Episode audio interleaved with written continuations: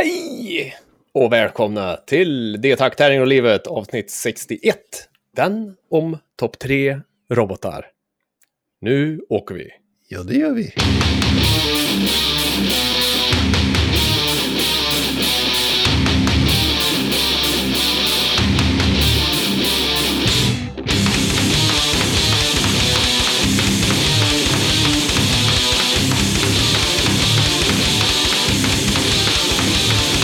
Den här podden görs i samarbete med Spelgeek.com, din spelbutik på nätet och Ofog och Motvalls, ett skivbolag för korta, snabba, arga låtar. Vill ni vara med i den här podden?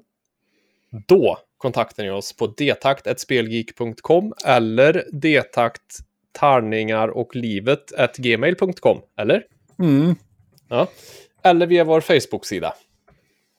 Eller Instagram, eller skriv till oss på något vis. Mm. Så, så fixar vi det. Ni kanske har något coolt band eller håller på att jobba med ett spel eller har bröta nacken som ni vill prata om eller någonting. Det kan vara jämt vad som helst. Egentligen. det låter ju bra det. Och när, vilka är vi då? Jo, det är jag och Björn. Och det är jag Niklas. Ja, Mm. Och vi är två medelålders män som väger precis lite för mycket och har lite för mycket intressen som vi behöver prata om. Och därför startar Ja. en podd. lite, lite, lite för självgoe. Ja, ja. Eller ja, tala för dig själv. Ja, det är jag. Utan problem. Ja, det, så är det. Trevligt. Eh, detta avsnitt 61. Vi ska prata lite robotar. Det blir ju roligt. Ja, och enkelt. Ja, framförallt, eller inte. Det är ju som alltid. Det här blir skitlätt. Vi tar något enkelt och så bara, äh, fan, massor med dödsresearch. Så är det. Gillar man det vi håller på med så kan man nu hoppa över till Patreon och eh, slänga in en, en 10 eller en 20. Ja. Eh, Så har vi råd att betala STIM-räkningen och eh, kanske i någon gång i framtiden ett hotell på spelmässan i Mm. Essen. Det vore trevligt. Då ska vi livesända därifrån.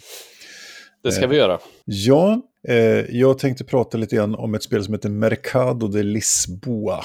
Eh, det är alltså ett spel, det var en Kickstarter som gick i höstas. Eh, och eh, Mercado de Lisboa är då ett, eh, ett spel som är gjort av min idol Vitala Serda tillsammans med en kille som heter Julian Pombo som har jobbat tillsammans med det. Och det de har gjort är att de har plockat ut en mekanik ur Vitala Serdas spel Lisboa, som är ett, kanske ett av mina toppspel faktiskt, alla kategorier. Mhm, mhm. Fantastiskt bra spel som heter Lisboa. Men man har plockat ut en del ur det och så har man me- grejat med den mekaniken och så har man gjort ett lite Ja, men det är lite- lite filler-aktigt. Det har 2,1 på, i vikt på Board Game Geek till exempel. Oh, det är så jag kan klara av det. Ja, men precis. Och så spelar det på en, ja, en halvtimme någonting.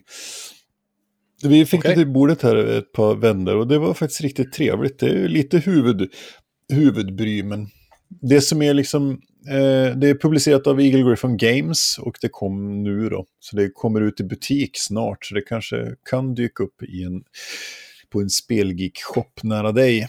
Om man Mm, har tur, beroende på. Det är helt enkelt så att man, och det, det som är lite roligt för mig med det här spelet, det är att jag har varit på den här marknaden i Lisbon, i Lissabon. Okej. Det är inte bara att du har lagt ut spelbräd och ställt dig på det. Nej, Nej, utan okej. eh, jag har ju en bror som bor där, så jag var där och hälsade på. Då var vi faktiskt på plats här på Mercado de Lisboa och, och käkade. Och det är en sån här food court, eh, bland annat, med en massa grejer. Så det är butiker och restauranger runt om och så är det bord i mitten och restauranger. Så man kan liksom, en, någon går och köper en, en hamburgare och någon går och köper en sushi och någon köper en... en Harta harta. en harta harta, ja precis.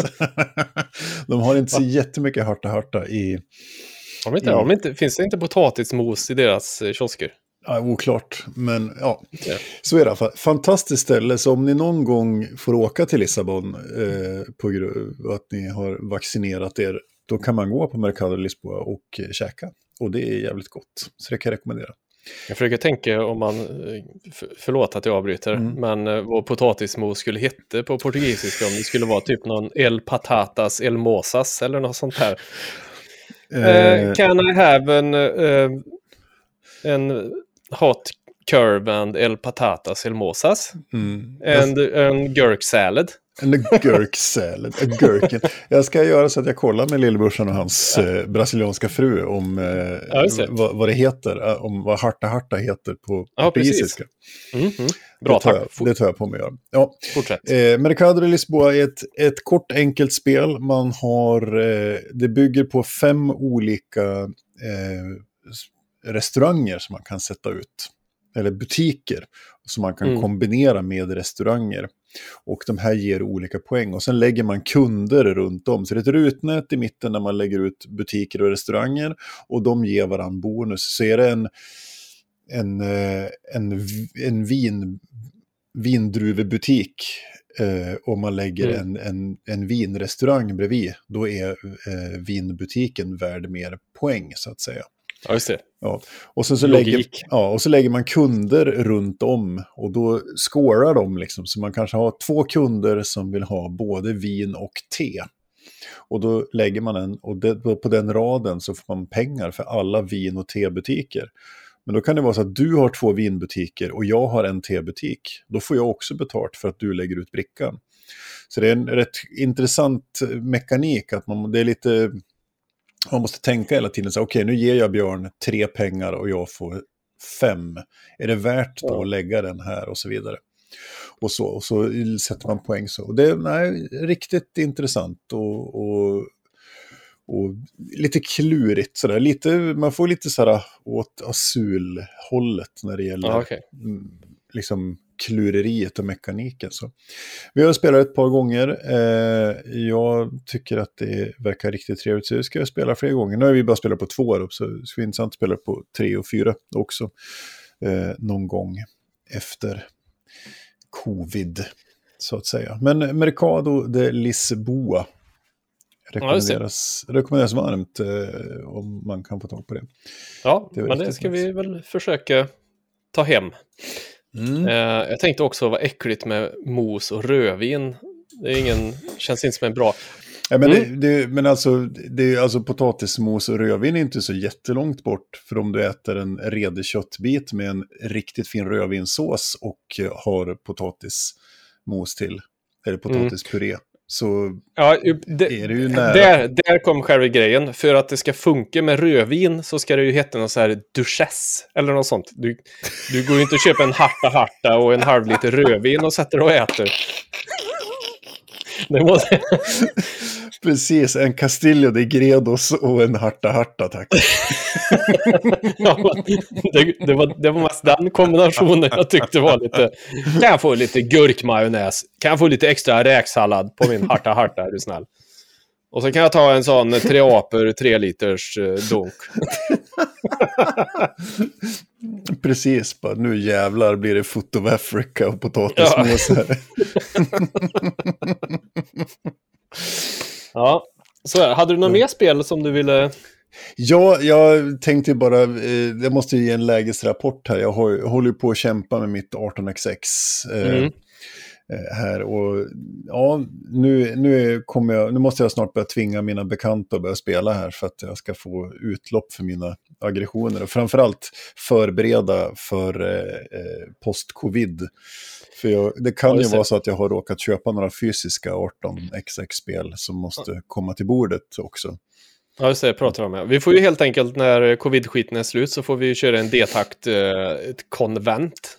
Ja, det har Typ. jag eh, faktiskt redan tänkt tanken att Ja, med du till... som är arrangör och allt. Ja, ja, men precis. Då blir det ett jävla konvent i Arvika med, med eh, Terraforming Mars-turnering och, och eh, 18xx. Och eh, så kan du ha så här partyspel i ett hörn. Ja, jag kan gå runt och eh, flanera runt borden och äta mos och dricka rödvin och kommentera grejer. Det tycker jag. Ja, Fälla en syrlig kommentar. det tycker jag. Ja, Nej, men det, det, 18xx är ju, det- jag håller på att kämpa där. Det, jag nämner den här sajten 18xx.games som finns där man faktiskt kan spela. Ja, nu är det ju ett 40-tal spel tror jag. Olika 18xx-spel. Ja, Eh, och eh, jag kommer nog försöka introducera ett gäng här, framförallt med ett spel som heter 18MS, som jag tycker är det Mm. som är bäst som introspel, för det finns ju en hel del andra där man liksom mer eller mindre har förlorat efter fem minuter för att man råkat ta fel beslut för att man inte visste att man skulle ta annat beslut. 40 18xx-spel, då finns det ingen ursäkt att inte ha tråkigt längre. Nästan. Ja, men precis. Men, det, men jag, känner ju, jag känner ju verkligen att det, det, jag saknar verkligen det fysiska spelet. Jag måste få spela fysiska ja. spel. Det är ju det, jag blir tokig. Och, och eh, det går ju att spela asynkront på 18xx Games också. Så att man alltså gör ett drag och sen så lämnar man det och så gör nästa drag. Liksom. Men jag har svårt att finna energin för det. Jag tycker det är live, live-spel måste det nästan vara. Och sen ja. fysiskt spel. Så vi får se. Det, jag kämpar på här så att jag ska försöka lura några närmast sörjande här och mm. haka på så jag får visa dem. Så jag kan sen plocka fram mitt 1822 Great Britain och så kan vi sitta i 8-10 timmar och köpa aktier och bygga järnväg liksom. Jag bara, ja, just det. Fy Låter fan underbart. mysigt. Ja. ja. Härligt. Konventspel, turnering. Mm, ja, men precis. Man får ett ko eh, konvent i tre veckor. Liksom. Rödvin och kockemos. Ja, Perfekt. Bara det man får äta och dricka. Ja. Ja, så, så, så, är det, så är det. Jag jobbar på med mitt där 18xx. Mm. Du då? Ja, vi har faktiskt, eh, det är egentligen två spel som jag skulle tipsa om, mm. eh, som jag har spelat.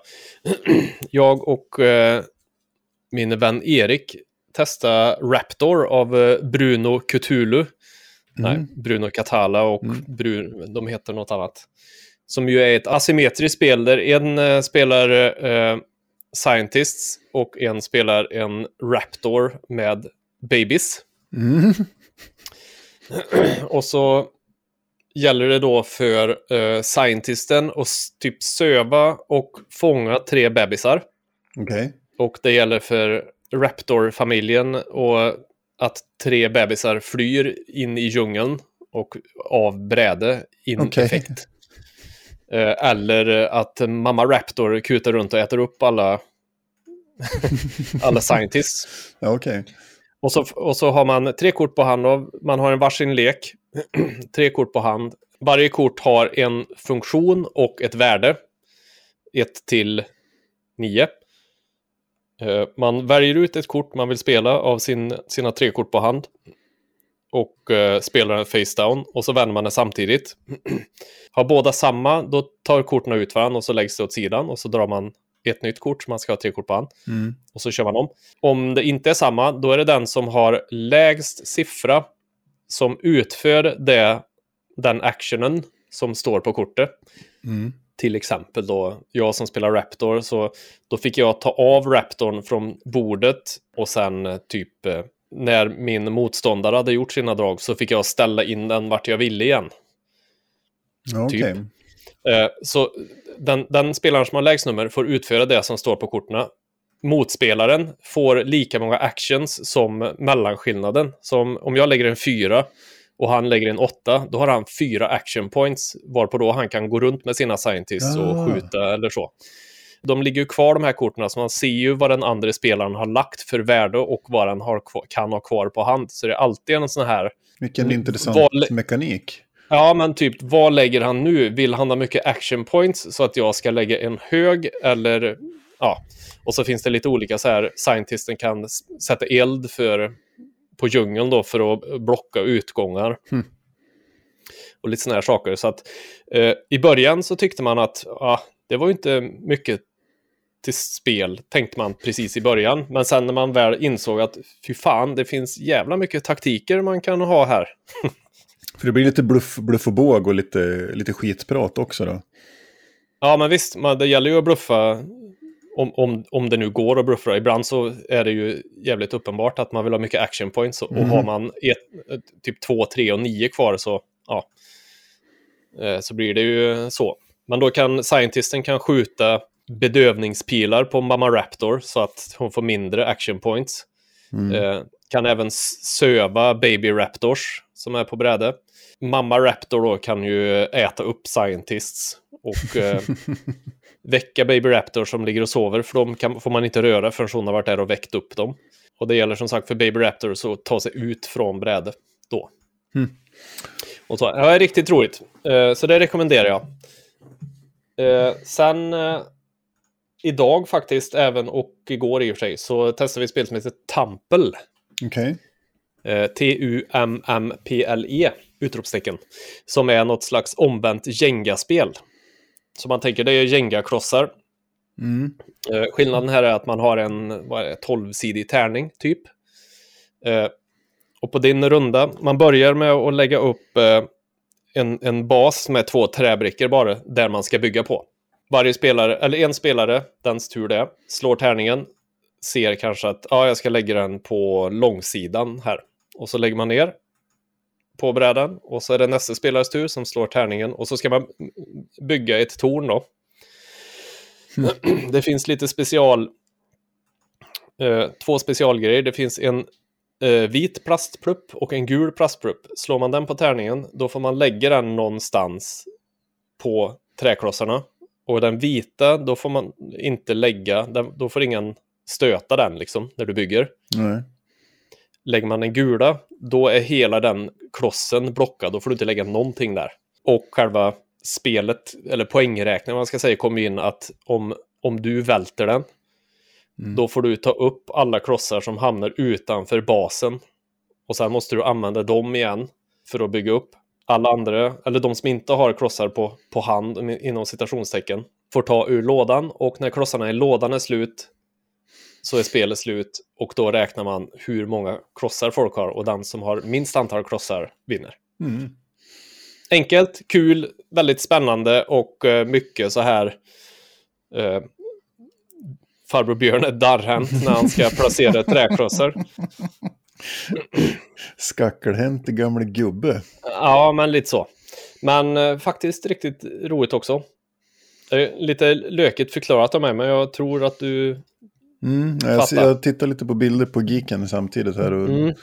så. Men tärningen talar alltså om hur klossen, nästa kloss ska läggas, så att säga. Om den ska stå på Ja, ja, högkant precis. eller på kort sida eller ligga Ja. som vanligt och så. Ja, men precis. Mm.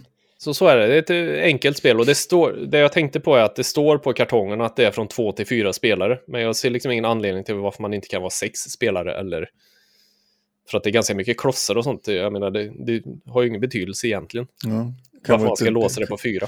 kan vara lite tufft att vara nummer sex, liksom. Kanske. Ja, det skulle väl vara därför, men Mm. eh, det är ganska långt. Ja, men det är ganska långt i början innan det blir svårt. Ja, okej. För att du kommer ju ändå upp liksom en... Och nu måttar jag här, du ser inte så bra, men du kommer ju Mm. liksom upp en eh, 20-25 centimeter innan, innan det börjar bli rappligt. Ja. ja, spännande. Ja. Tampel och... Vad pratade jag om innan? Raptor. Och Raptor. Så var det. Mm. Mm. Fräsigt. Kul! Mm. Eh, sen innan vi... Vi ska prata lite Horizon Zero Dawn också, för det har vi gjort innan Ja. också. Men nu har du hunnit spela. Men innan det så vill vi ba också bara flika in att It takes two är fortfarande fruktansvärt bra. Och har ni inte köpt det så bör ni göra det. Ja, alltså det är ju lite sådär äh, årets spel. Ja, lite den varningen alltså, faktiskt. Känner jag, för det är fan, ja. Nu har vi, vi vet inte hur långt vi har kvar. Det känns som att vi tror att det ska ta slut och sen så, eh, är, nej, så kommer det Nej. nytt. Ja. Så, eh, Så det är kul och det, jag tycker det är varierade miljöer och så här. Jag tycker det är väldigt lekfullt allting. Mm. Och för er som inte har hört eller vet vad det är så är det alltså ett tvåspelarspel där man måste vara två spelare som heter It takes two. Det är släppt av Hazelight Studios och gjort av Josef Fares. Mm. Och eh, man kan spela det via Friend Pass på Steam. Så att Björn har köpt det och jag har laddat ner spelet och sen så kör vi tillsammans. Och eh, man spelar en varsin karaktär, det är split screen, man ser vad den andra gör. Och det ja, nej, det är riktigt, riktigt trevligt alltså. Mm. Välgjort, pussligt, mysigt. Eh, det är no, ja, no, några små saker som jag reagerar på där kontrollerna inte har känts så intuitiva. Men du kör med handkontroll, jag kör med tangentbord och mus. Mm. Ja, Nej, men det är som sagt, det känns lekfullt och det, det bygger verkligen på att... Vi märkte ju det. Det vi ska säga är ju också att det är några små glitchar som har gjort att vi inte kom vidare på ett ställe. För där kraschar spelet mm. för oss. Eller vi tappade kontakten så vi inte kunde spela tillsammans. Så då löste vi det med en fullösning att vi har ett annat program där vi kan spela med varandra Mm. vid sidan av, bara till vi tog oss förbi den punkten och sen fortsätter vi. Ja. Men man märker ju när det inte funkar. När man inte kan samarbete så blir ju spelet helt omöjligt. Ja, ja, så är det. Det, det laggade om vi skulle skjuta, och vi var ute och åkte båt och skulle skjuta på någon bläckfisk och så ska, styr jag ena sidan av båten och du styr den andra sidan av båten. Mm. Och så skulle vi sikta och blev nästan sur på varandra för att men fan, du måste ju, nu måste ju du köra bakåt. Nej, det är du Ja. som ska köra bakåt. Och så, Ja, och så visade det sig att det var dålig synk bara. Eh, ja precis. Vi höll ju på att förlora vår vänskap där lite. ja, ja, nästan. Det var nästan så. Ja, jag har aldrig blivit anklagad för att jag inte kan backa med släp innan.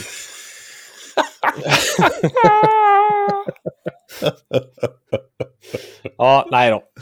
Nej, men det är som sagt, det är It takes two, Mm. skaffet, ni kommer inte ångra er. Gjort. Och då kan ni Mm. när ni ändå är i farta köpa Horizon Zero Dawn också, Mm, tycker vi. Eh, verkligen. är ju ett riktigt trevligt spel.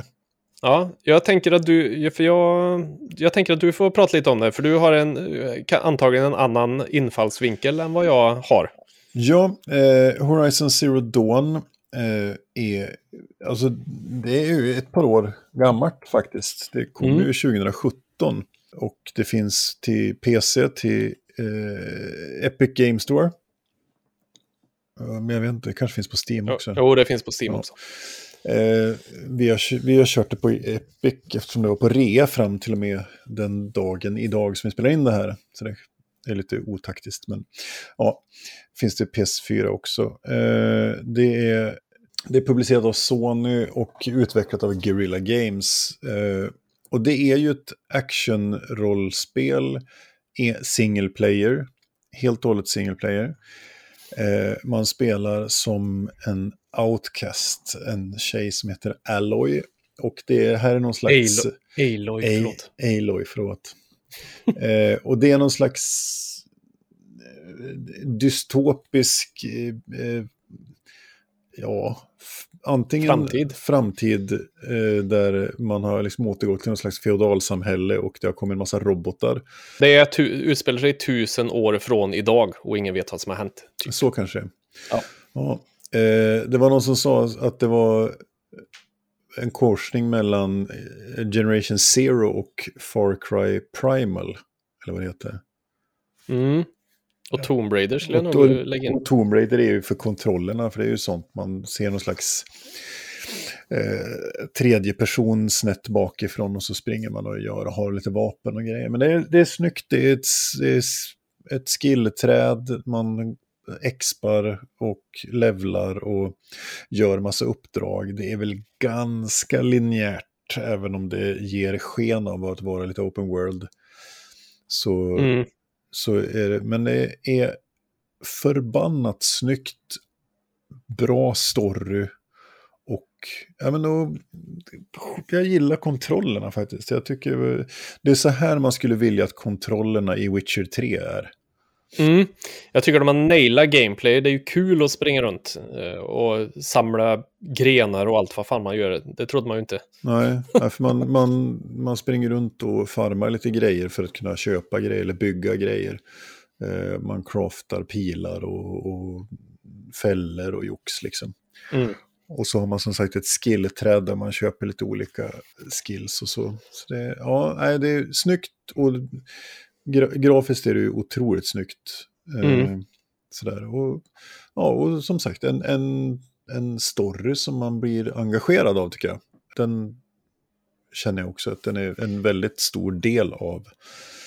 av Ja, man bryr sig ju om alla, eller alla karaktärer också, tänker jag. Det är inte bara det här att de bara är där som eh, i vissa andra spel. Typ Outriders, där jag inte brydde mig om någon när jag spelade. Ja, Alla var som liksom... Eh. Men här så har de ju personlighet och det är bra röstskådisar och, och så. Så att jag, jag tycker att det är... Jag vet inte om du sa... Det är ju robotdinosaurier, det sa du eller? nej, det är så långt Nej. inte. Nej, precis. Så det är ju någon slags... Alla djur och sånt. Det finns ju vanliga djur också. Mm. Eh, men... Eh, Så Det man kan ju skjuta robot- ihjäl. Ja. Det kan man. Eh, robotdinosaurier är ju de som är liksom fiender om man säger. ja. Och det finns ju lite olika, vi har kollat på lite videos, jag och Henke, för han spelar ju också det här. Mm. Och eh, saker som inte framgår i spelet är ju att om du jagar en viss typ av eh, robotar så utvecklas de efter att ha skjutit ner x antal och Okej. ser annorlunda ut. Men det står ingenstans, man bara upptäcker det efter ett tag att, aha, nu... det finns lite sådana grejer som gör också att det är... Det är kul när de lägger in sånt som man inte har liksom all fakta framför sig när man börjar, utan man får faktiskt upptäcka lite saker. Spännande. Så- Ja, nej, men så det rekommenderar vi också. Och det, på rean så kostar det 209 kronor tror jag på Epic Games Store, men när det inte är rea så kostar det 349, men Mm. det är fortfarande väl investerade pengar. Ja, men Om man verkligen. vill spela ett, ett som datorspel eller videospel kan vara, liksom vad det kan erbjuda, så är det ett prime exempel. Både det och, och It takes two, tycker Mm. jag. Och som sagt, jag tror också att gillar man, gillar man det här eller gillar man Tomb, de här senaste Tomb Raider-spelen också så, så är det, det är liksom samma, lite hugget som Tomb Raider-spelen är lite mer skriptade i sina actions när man slåss Mm. och så. Eh, mm, eh, men det är lite samma, ja, samma idé, samma snygghet liksom. Jag såg faktiskt här att det kommer en uppföljare planerad under 21. Horizon Zero Dawn, ja det är till PS5 först Horizon säkert. Forbidden West, ja precis, det är till Nintendo först ja. och sen så kommer Ja. det till en riktig plattform. Ja. Förhoppningsvis kommer det till, till Mm. PS5. Nej, det gör det säkert. Så. De måste ju ha insett att det finns en marknad. Jag vill bara vänta på att de ska släppa den här sargen med Åh, jag tänker inte finnas på din konsol, utan att det faktiskt går att spela saker Ja. på det man har. Men det börjar väl, eh, de börjar väl mjuka upp sig lite med tanke på att just Horizon Zero Dawn som var Playstation exklusiv helt plötsligt inte är det längre. Ja, ja, men precis. För det fanns ju, det släpptes väl till PS4 tror jag, som det var väl en release-titel eller något sånt. Om jag, nej, kanske Ja. inte var. Ja, men ja, det, det typ. var typ P- PS4 först i alla fall. Ja, Så. ja nej men det, fan, kö, köpet bara. Ja, och Ska ni tacka oss sen? Ja, och, och skicka kärlek till oss som tack för att vi tipsade er om ett sånt jävla Mm. bra spel. Absolut, han har ju fått två bra spel här och det är inte ens jul än. Fy fan. Mm. Fräsigt. Och då har inte ens Biomutant kommit ut. Nej, det kan ju bli spännande Ah, faktiskt. Jag har som feeling när jag får upp den här Mm. reklamen. Jag har återgått lite försiktigt till Facebook. Så jag är där inne och tittar ibland i alla fall nu. Och då kommer Biomutant-reklamen upp med jämna mellanrum. Så jag är jävligt pepp på det. Mm. Nej, det ska bli coolt. Jag har ju blivit skadad för jag sitter och håller på med mina, mitt skolarbete och programmering och eh, som jag inte... Ja, jag är fortfarande lika dum, men jag börjar tänka när jag ser, jag kommer på mig själv när jag ser spelgrejer så funderar jag på hur, hur de har gjort olika saker. Ja. Jag börjar tänka så istället. Men jag satt och kollade när dottern spelade Overcooked 2 med kusinerna här förut, så svarte jag så här, man, det där ser inte så helt omöjligt ut att programmera. Alltså programmeringsmässigt så är det nog inte så jättesvårt. Nej. Skitsamma. Det var ju förresten kul att vi pratade om eh, dinosaurierobotar i Horizon Zero Dawn. Mm. För när vi går in på topp trean här sen så handlar det ju precis om eh, favoritrobotar. Ja, oj vilken... Uh, du är ju... Vilken mästare. segway. Vilken Det är som- segway. Är som Segway-vdn som körde av en, en klippa. På en Segway. På en segway. Jättekul. Ja. Så är det. Eh, men innan dess så ska du få spela en låt. Innan dess så ska jag spela en låt Mm. och eh, den här gången så blir det en, en liten specialare. Jaså? Ja, det är inte alls vad jag spelade innan, typ. Nej. tror jag. Utan eh, det här är en låt som min, min vän och kollega, inte kollega, men min vän eh, tipsade mig om den här skivan någon gång. Så jag gick och bara 360-lyssnade på den här skivan när jag gick på mitt förra jobb Mm. och hamra kylskåp. Så gick den dag ut, dag in, dag ut, dag in. Det är så jävla bra. Och det är ett band som heter The Midnight. Mm. Och eh, låten vi ska lyssna på heter Nocturnal och av någon anledning så låter det... Jag får känslan av att jag är med i en ninjafilm när jag hör den här låten. Okej. jag, jag, kan, jag kan inte förklara varför, men eh, Den har ett jävligt schysst beat och den är bra melodier och ja, ni hör. Ett schysst beat, det är inte varje dag jag säger. Ja, det var första gången du sa det någonsin Ja. tror jag, i, i, en, Mm. i en mening. Ja, precis. Ja, men det, den är bara jävligt god och det är en sån här perfekt. Den här skivan är perfekt när man är ute och kör bil i Mm. mörker med svinhögt ljud så man får den här bas... Eh, bas... Boom, boom, ah, bla, bla, bla. Ja, så länge man inte kör i Arvika eh, omkring, Nej, nej. runt min lägenhet så får man spela den här Nej, bilen. när man är på en Europaväg, menar jag. Eller mitt i skogen. Ja, så gör vi. Eh, kör skoter eller någonting, jag vet inte. Eh, men här kommer i alla fall The Midnight med låten Nocturnal. Tack så mycket. Varsågoda.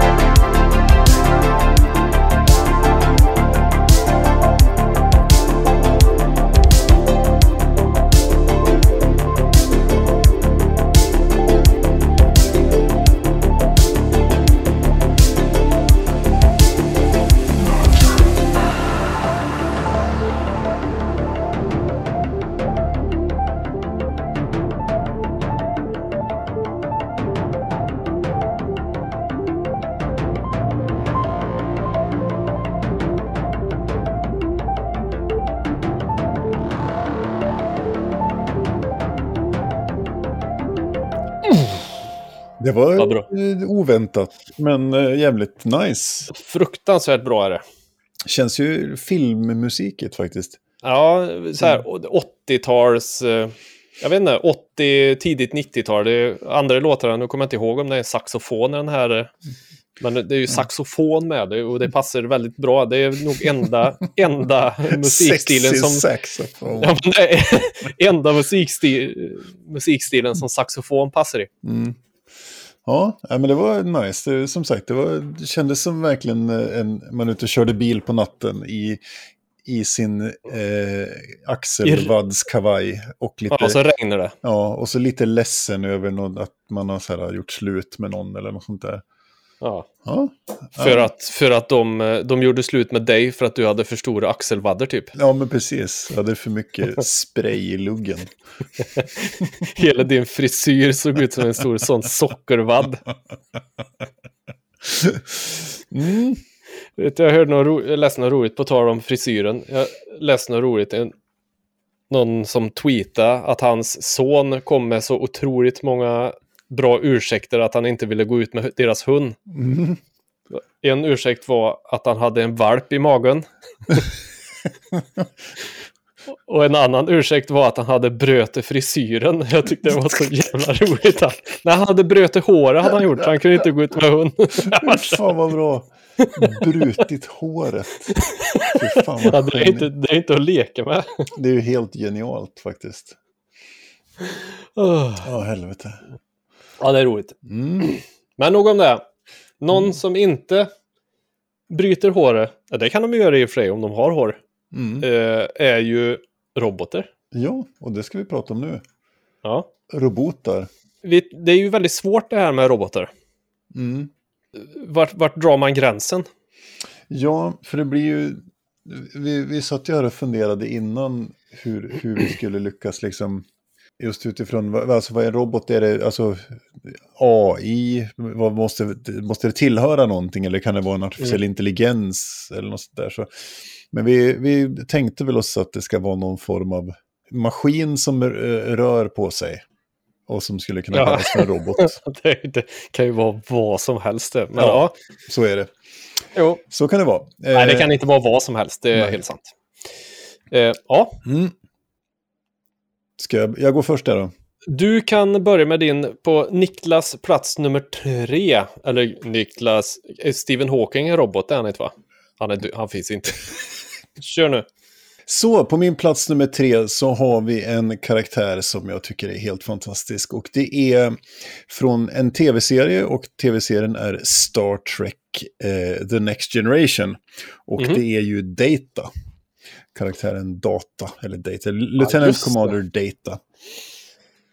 Eh, han är med i hela serien då, Next Generation, och är ju någon slags spirituell arvtagare till Spock från the original series på något vis. Då. Han Mm. är ju liksom en sidekick som står för det här logiska, matematiska och så vidare. Men eh, som med Star Trek generellt så lyckas de ju bygga en karaktär som blir så jävla intressant. Trots att han är, han är, han är liksom en, en android men har då en massa eh, funktionalitet. Det här, är, det här är ju machine learning innan man pratade om machine learning. Det vill säga Mm. en... Men han har noll känslor, va? Eller? Ja. Ja, det är ju det som är så intressant då, att det utvecklas under seriens gång. Så att det är ju det att, att, att han har kanske känslor. Mm. Fast vi kanske inte skulle kalla det för känslor, men den artificiella intelligensen gör att han behöver ha någon form av känsloregister för att kunna interagera med de människor som är omkring honom och så vidare. Så det blir, blir ju en, i, otroligt intressant i, den, i sin helhet. Så det, ja, jag tycker jag är otroligt fascinerad av just Android machine learning AI-dilemmat och vad, vad som finns kring det. Alltså vad, vad är en... Vad är ett medvetande till exempel? Alltså när, när kommer en robot att vara en fristående varelse, en android med, med den som tänker själv, har känslor, har, är en individ så att säga. Och det tycker jag man, man använder data väldigt snyggt och gör det så att det blir jävligt intressant. Mm. Det har fun- förekommer ju många andra filmer och tv-serier också. Men så på min plats nummer tre så har jag alltså Lieutenant Commander Data från Star Trek The Next Generation. Mm. Så, han dyker även upp i den fantastiska serien Picard på, som finns på Amazon Prime. Som handlar om Jean-Luc Picard då, som är kapten på skeppet som Data jobbar på under tv-serien. Rekommenderas Ja, varmt den tv-serien också. Ja, det var min nummer tre. Vad har du Mm. på nummer tre då? På min nummer tre så har jag nu mer eh, inte riktigt lika djuplodande analys som du har eftersom jag kastade in eh, henne här precis nämligen. Ja. Eh, och det var enbart för att jag sa innan att det var det här med att robotar har hår. Mhm. Så kom jag på att Dot Matrix i Spaceballs eh, le- måste vara på min tredje plats. Denna, eh, för er som inte har sett Spaceballs eller Det våras för rymden som det heter på svenska. Så är det ju en kvinnlig variant av C3PO med någon slags guldaktigt svintohår och en kort metallkjol. Eh, som då är hjälpredare åt Princess Vespa. Just det, oj det var länge sedan jag såg den här. Ja, det är Otroligt bra. Jag, jag vet inte hur många gånger jag har sett den. Den är väldigt rolig. Mm. Eh, och hon eh, är ju då, följer med. Jag tror det är rösten till den görs av Joan Rivers, som jag inte minns alldeles fel. Mm. Som ju är en su- superkänd skådespelare, vill jag minnas. På den tiden. Jag, ska inte, jag törs inte lova det, men ni får, ni får googla. Det. Men det är väldigt konstigt att Joan Rivers som superkänd skådespelare gör en rösten till en... Eh, Ja, Mm. det är konstigt. Dot Matrix är på min tredje plats. Mm. Från Spaceballs The Movie. Eh, då går vi in på min nummer två. Ja, Eh, och eh, här finns väl risk kanske för en crossover, jag vet inte. Men eh, this is the Cyberdyne Systems Model 101, also known as the T800. Eh, ja det det är- en, en crossover på andra plats ja. Ja, då har du också den där. Ja, jag hade bo, egentligen båda Terminator. Ja, Eh, eh, jag hade specifikt då T800, men, men T1000 kan ju få hänga med på ett hörn där också. mm, Eh, det är alltså Arnold Schwarzeneggers karaktär i Terminator-filmerna. Eh, som då är T800. Eh, som då är en, en robot som skickas från framtiden tillbaka i tiden för att döda eh, motståndsrörelsens ledare som Mm. barn. Och eh, ja, det ja, väl I är- första filmen så är det, han ska han väl döda Sarah Connor som är mamman till eh, ja, är det, motståndsrörelsens precis. ledare. Nu är det. Så Det är är två då åker han tillbaks för, eh, då åker han tillbaks för att skydda John Connor istället. Ja, men precis. Det är Från så. eh, T1000. Så är det. Så är det. Ja, nej, minnas. Kanske de tre första filmerna där är ju kanske bland det bättre som har gjorts någonsin Mm. i filmväg. Eh, och även där är djuplodande, alltså är det september 1997 när Skynet becomes self-aware och börjar producera robotar. Men sen eftersom man jobbar med tidsparadoxen så flyttas ju det här datumet hela tiden och så också. Så det Mm. finns ju alternativa verkligheter. Första filmen utspelas ju i en tidslinje som sen inte finns, till exempel. Och så vidare. Ja, det, vi kan prata tidsparadoxer i evigheter här också. Topp tre tidsparadoxer. Ja, lätt. Topp top tre moskombinationer. Ja. Mos och rödvinskombinationer. Ja. Ja. Ja, men då har vi pratat om vår gemensamma topp tre, eller topp två. Eh, som Ja, är precis. då Terminator. Ma- F- Ja, T800 och T1000. Man Mm. får ju också eh, flika in att det känns ju lite som att eh, Terminator-rollen är ju skriven för Arnold Schwarzenegger. Ja, ja, den första är ju, måste ju vara... Den måste ju skriven. vara liksom bara, vi har en kille här som eh, är lite yxig i, sitt eh, skådespeleri, men han är jävligt biffig. Vad, vad, vad kan vi göra med det? Mm. Throw it at me. Fy fan. Ja. Ja. och ja, det är ju alltså så många citat som det kommer ur den här, apropå våran topp tre filmcitat här, så är det ju, Mm. här finns ju otroligt många one-liners, inte bara av Arnold, det är alltså Alltså bara avslutningen på första filmen med There's a storm coming. Yeah, I know. Sarah Mm. Connor är ju, ja, Ja. Har du förresten sett det här? Det finns ju på YouTube eh, när Arnold, för han, han promotar någon slags välgörenhet, klär ut sig till Terminator och går ut på den här Hollywood, ja hysteriskt. Hollywoodgatan och går upp till folk som också är Terminator, ställer sig bredvid bara Who are you? no, I'm! Hysteriskt Ja. bra. Ja, det är jättebra. Det är rekommenderat. Men han står också inne på Madame Tussauds, tror jag, och Mm. Ja. låtsas vara dockan när folk Ja. ska gå fram och ta bilder. Så bara ha! Lägger armen runt dem och sådär. Ja, Ja, väldigt, väldigt bra. Mm. roligt, roligt, roligt. Ja, men då var det en slags gemensam topp, plats två där. Ja. Vill du då ha en liten fanfar här kanske? Ja tack, jättegärna. Thank you, my good man. Eh, på första plats så finns då, ja, det är ju, det var, den här var den första jag skrev in, helt enkelt. Den här var självklar och det är ju då världens mest deprimerade robot, alla kategorier.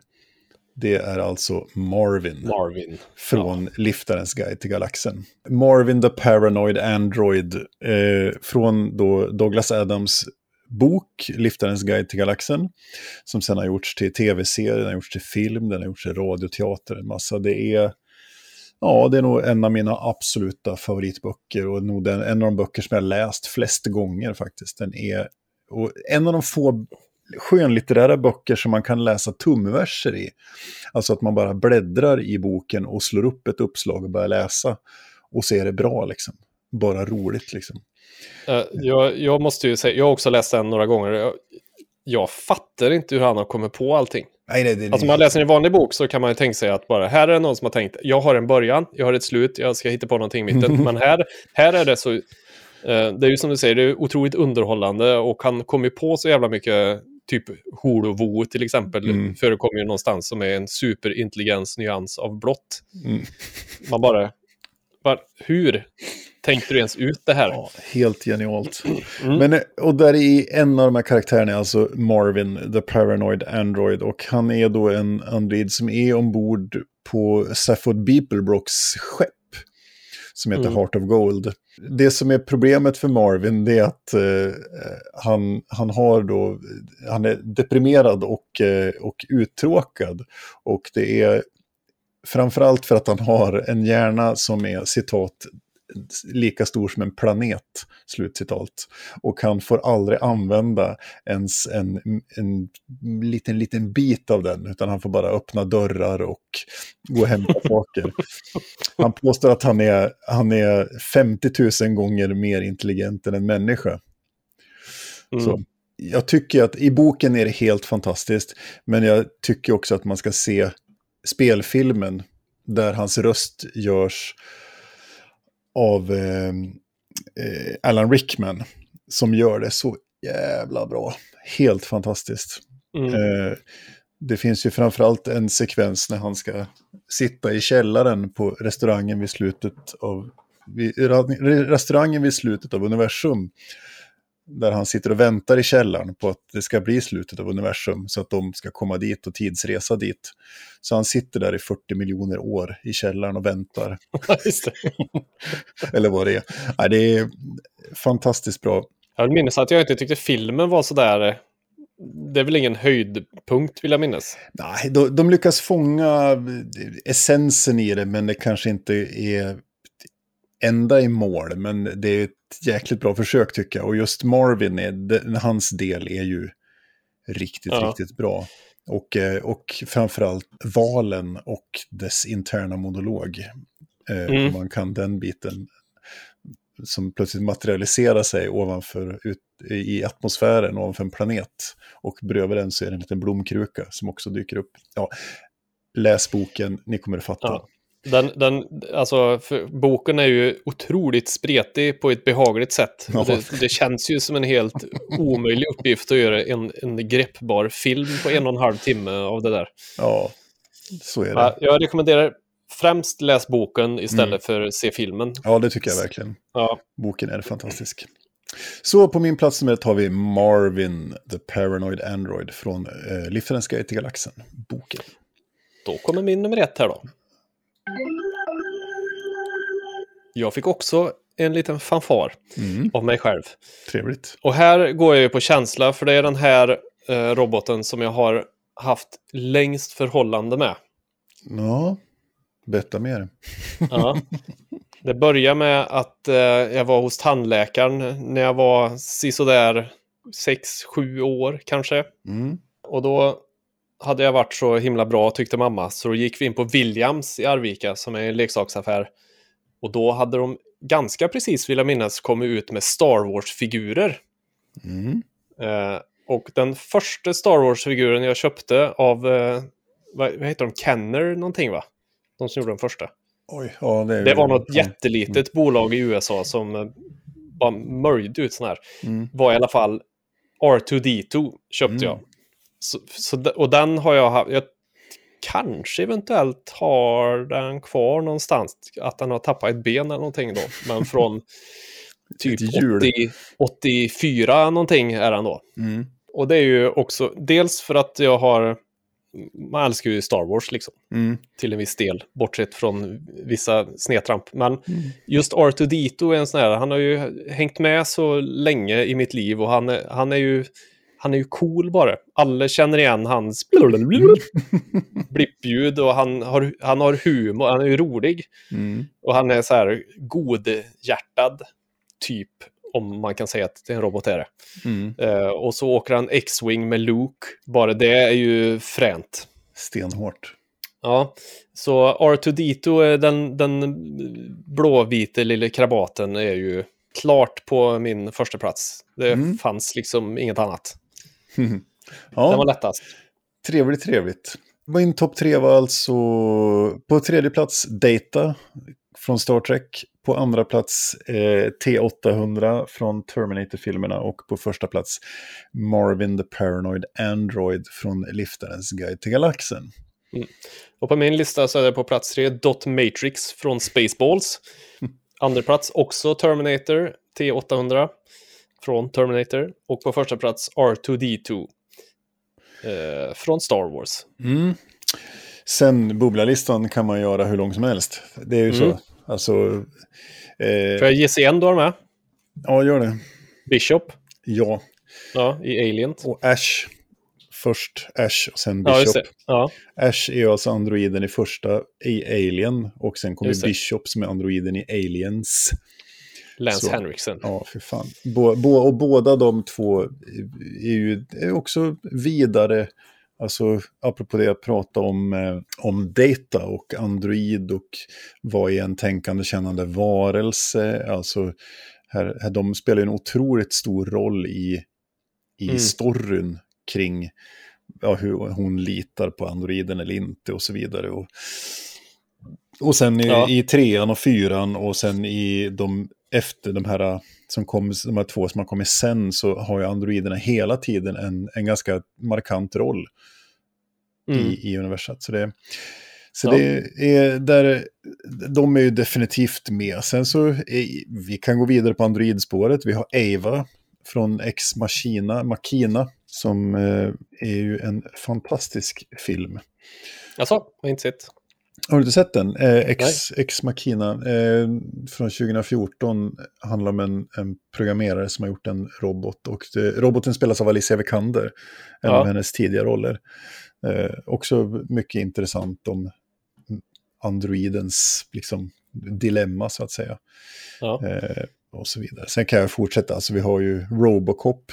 Kit från Knight Rider är ju egentligen bilen Kit liksom. Ja, Det ja. är ju så. Eh, sen har jag några slamkrypare och det ena är ju robotdammsugaren. ja det sa jag. eh, pratade med mina och robotgräsklipparen. Ja, precis. Eh, pratade med min dotter uppe och sa jag måste komma på snabbt tre stycken. Så bara, ah, Mikael och Majkens robotdammsugare. Bara, ja, fast det är ju inte, det är inte min det är inte min favorit. Det är kanske Ja. deras favorit. Ja, och jag inser att om jag hade haft den så hade den varit min favorit.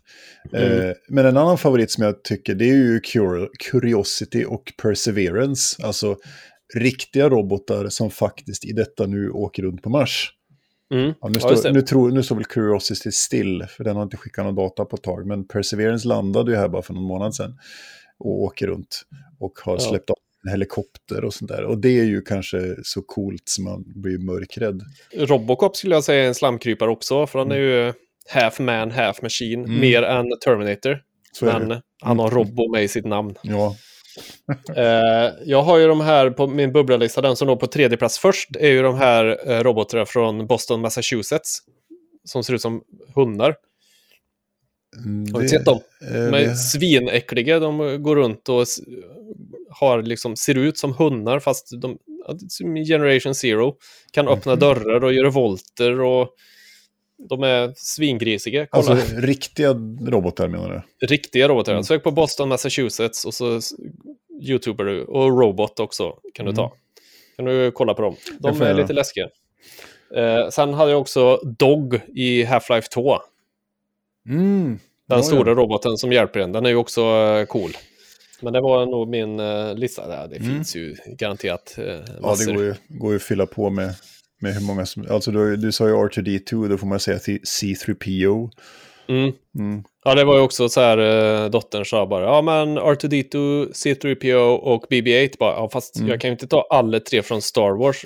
Då är det ju uppenbart att jag inte har tänkt någonting. Ja, men precis. Så är det. Eh, men kära lyssnare, Mm. va, vilka är era favoritrobotar? Ja, give us. Det vill vi att ni postar i in the link down below, som det brukar heta. Ja, men precis. Do that, my dear friends. Eh, och med det så är vi klara för idag. Ja, Eh, tack för att ni har lyssnat. Eh, hör av er om ni vill oss något. Eh, och eh, gör det, så hörs vi nästa vecka. För nu jävlar är jag frisk från covid, så nu jävlar ska vi spela in podd en gång i veckan. ja det ska vi. Ja, Speech synthesizer. ja Ja, precis. Du och Steven. ja, nu ska jag rulla härifrån. Nu Ja, hörs det. vi. Det gör vi. Ha det bra. Ha det. Puss och Hej. kram. Hej.